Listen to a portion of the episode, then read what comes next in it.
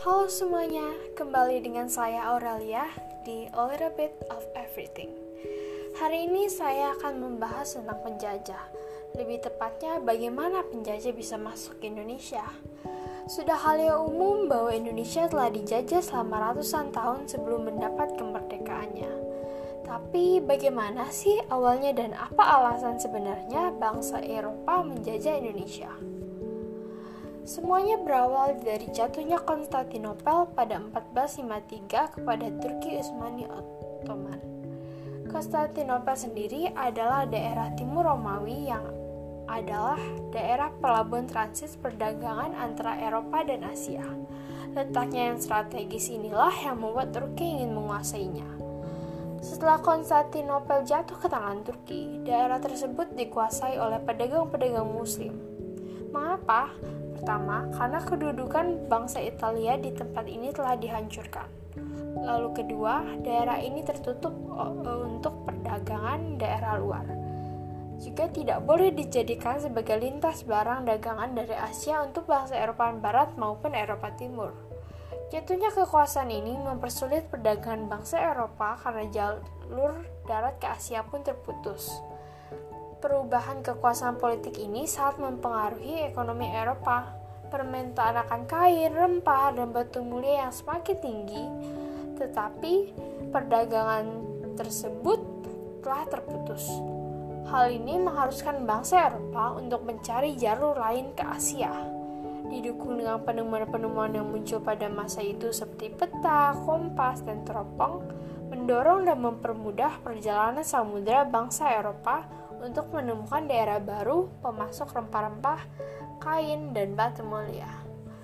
Portugis adalah bangsa yang mempelopori perjalanan samudra. Bangsa Portugis memiliki pelabuhan-pelabuhan yang besar. Selain memiliki pelabuhan yang besar, bangsa Portugis sendiri memiliki angkatan laut yang kuat.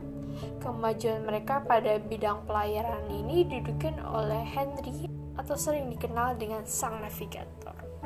Mereka juga didukung dengan adanya hubungan dengan negara-negara Eropa Utara dan di Mediterania. Selain itu juga ada beberapa faktor lain yang mendukung perjalanan samudera ini. Pertama, teori heliocentris, yaitu teori Copernicus yang menyatakan bahwa bumi itu bulat. Untuk membuktikan teori ini, Ferdinand Magellan melakukan perjalanan mengelilingi dunia dan berhasil membuktikan bahwa teori heliocentris ini benar. Selanjutnya, terdapat juga kisah perjalanan Marco Polo yang mendorong bangsa Eropa. Faktor selanjutnya adalah sebuah semboyan yang cukup populer, yaitu 3G, Gold, Glory, and Gospel. Gold yang berarti emas melambangkan kekayaan, dan juga karena berkembangnya pemikiran merkantilisme di mana kesejahteraan suatu negara ditentukan oleh banyaknya aset atau modal yang dimiliki. Lalu glory, yang diartikan sebagai keinginan bangsa Eropa untuk menguasai suatu daerah untuk menunjukkan kebuktian kejayaan mereka. Terakhir gospel, yaitu keinginan bangsa Eropa untuk memberitakan dan menyebarkan agama Kristen. Mengapa gospel? Karena bangsa eh, bangsa pelopor penjalan samudera yaitu Portugis dan Spanyol merupakan sebuah negara Katolik. Atas faktor-faktor tersebutlah bangsa Eropa melakukan perjalanan samudera ke Asia yang salah satunya merupakan Indonesia. Selanjutnya, kita akan membahas negara yang cukup populer dan sangat lama menjajah Indonesia, yaitu Belanda. Belanda juga awalnya merupakan jajahan Spanyol, tapi setelah mendapat kemerdekaan dari perang tersebut, mereka memutuskan untuk mencari jalur rempah yang hanya diketahui oleh Portugis awalnya. Belanda sendiri juga awalnya pengecer rempah-rempah yang dibawa Portugis. Pada 1595, sebuah perusahaan Belanda bernama Company Van Ver membiayai ekspedisi Cornelis de Houtman untuk menemukan jalur rempah dan setelah 14 bulan lamanya, akhirnya mereka pun sampai di Banten.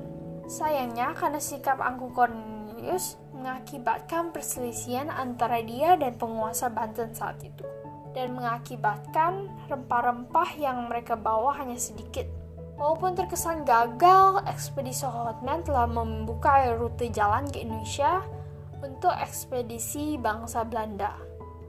Ekspedisi kedua dipimpin oleh J.C. Van Eyck pada 1598 sampai 16.000.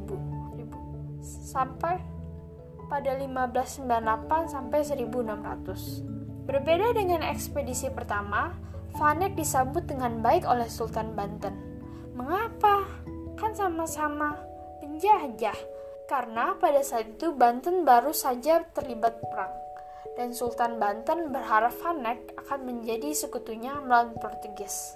Kesempatan ini diambil baik oleh Belanda setelah mendapatkan rempah yang sangat banyak Vanek mengutus beberapa kapal yang dipimpin oleh Wybra van Warwick untuk belayar ke Maluku pada 1599. Wybran tiba di Ambon, tapi langsung melanjutkan perjalanannya ke Ternate karena jumlah rempah di Ambon yang terbatas.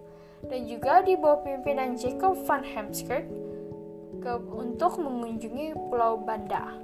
Pada kedua tempat tersebut, Belanda disambut dengan baik. Penduduk di wilayah ini telah merasakan kerugian yang diterapkan oleh bangsa Portugis dan mereka berharap Belanda akan menjadi sekutu mereka melawan Portugis. Belanda pun mengambil kesempatan ini untuk menguasai daerah-daerah di Indonesia. Lalu pada tahun 1600, kaum muslim itu di Ambon mengajak Belanda bersekutu mengusir sebagai imbalannya Belanda dapat membeli rempah-rempah dari itu. Lalu pada 1605 Belanda berhasil mengalahkan pertahanan Portugis di Ambon dan menyerahkannya kepada Stephen van der Hagen dan di Tidore kepada Cornelis Sebastians.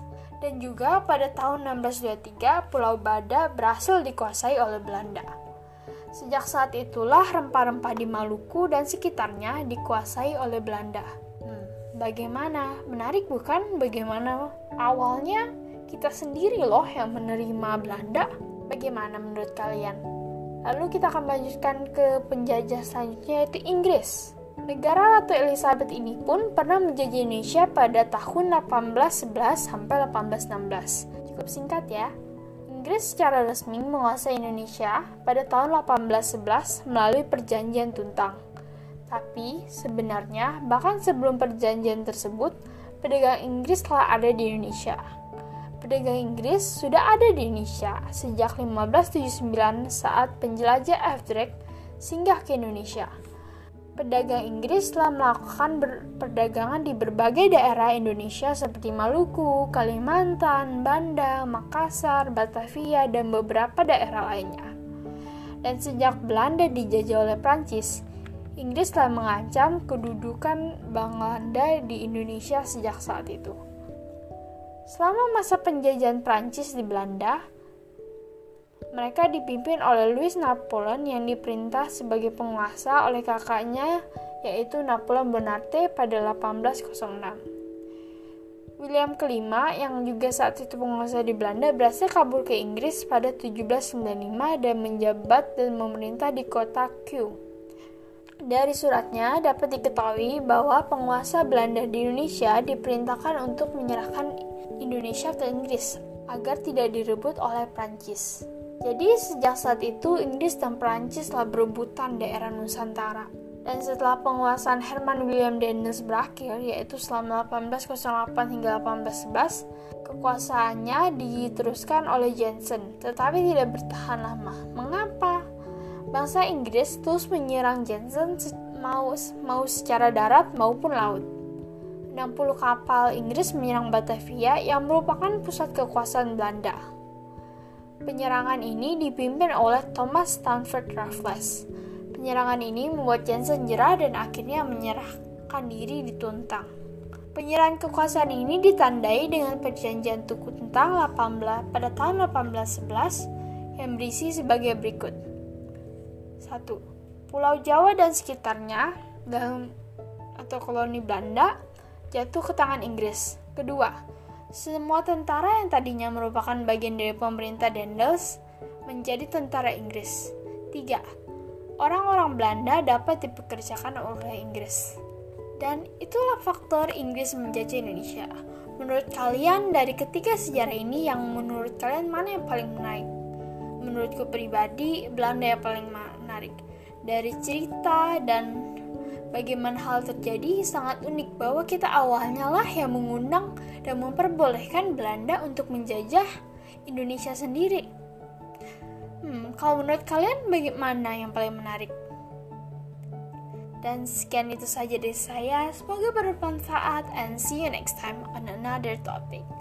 Bye.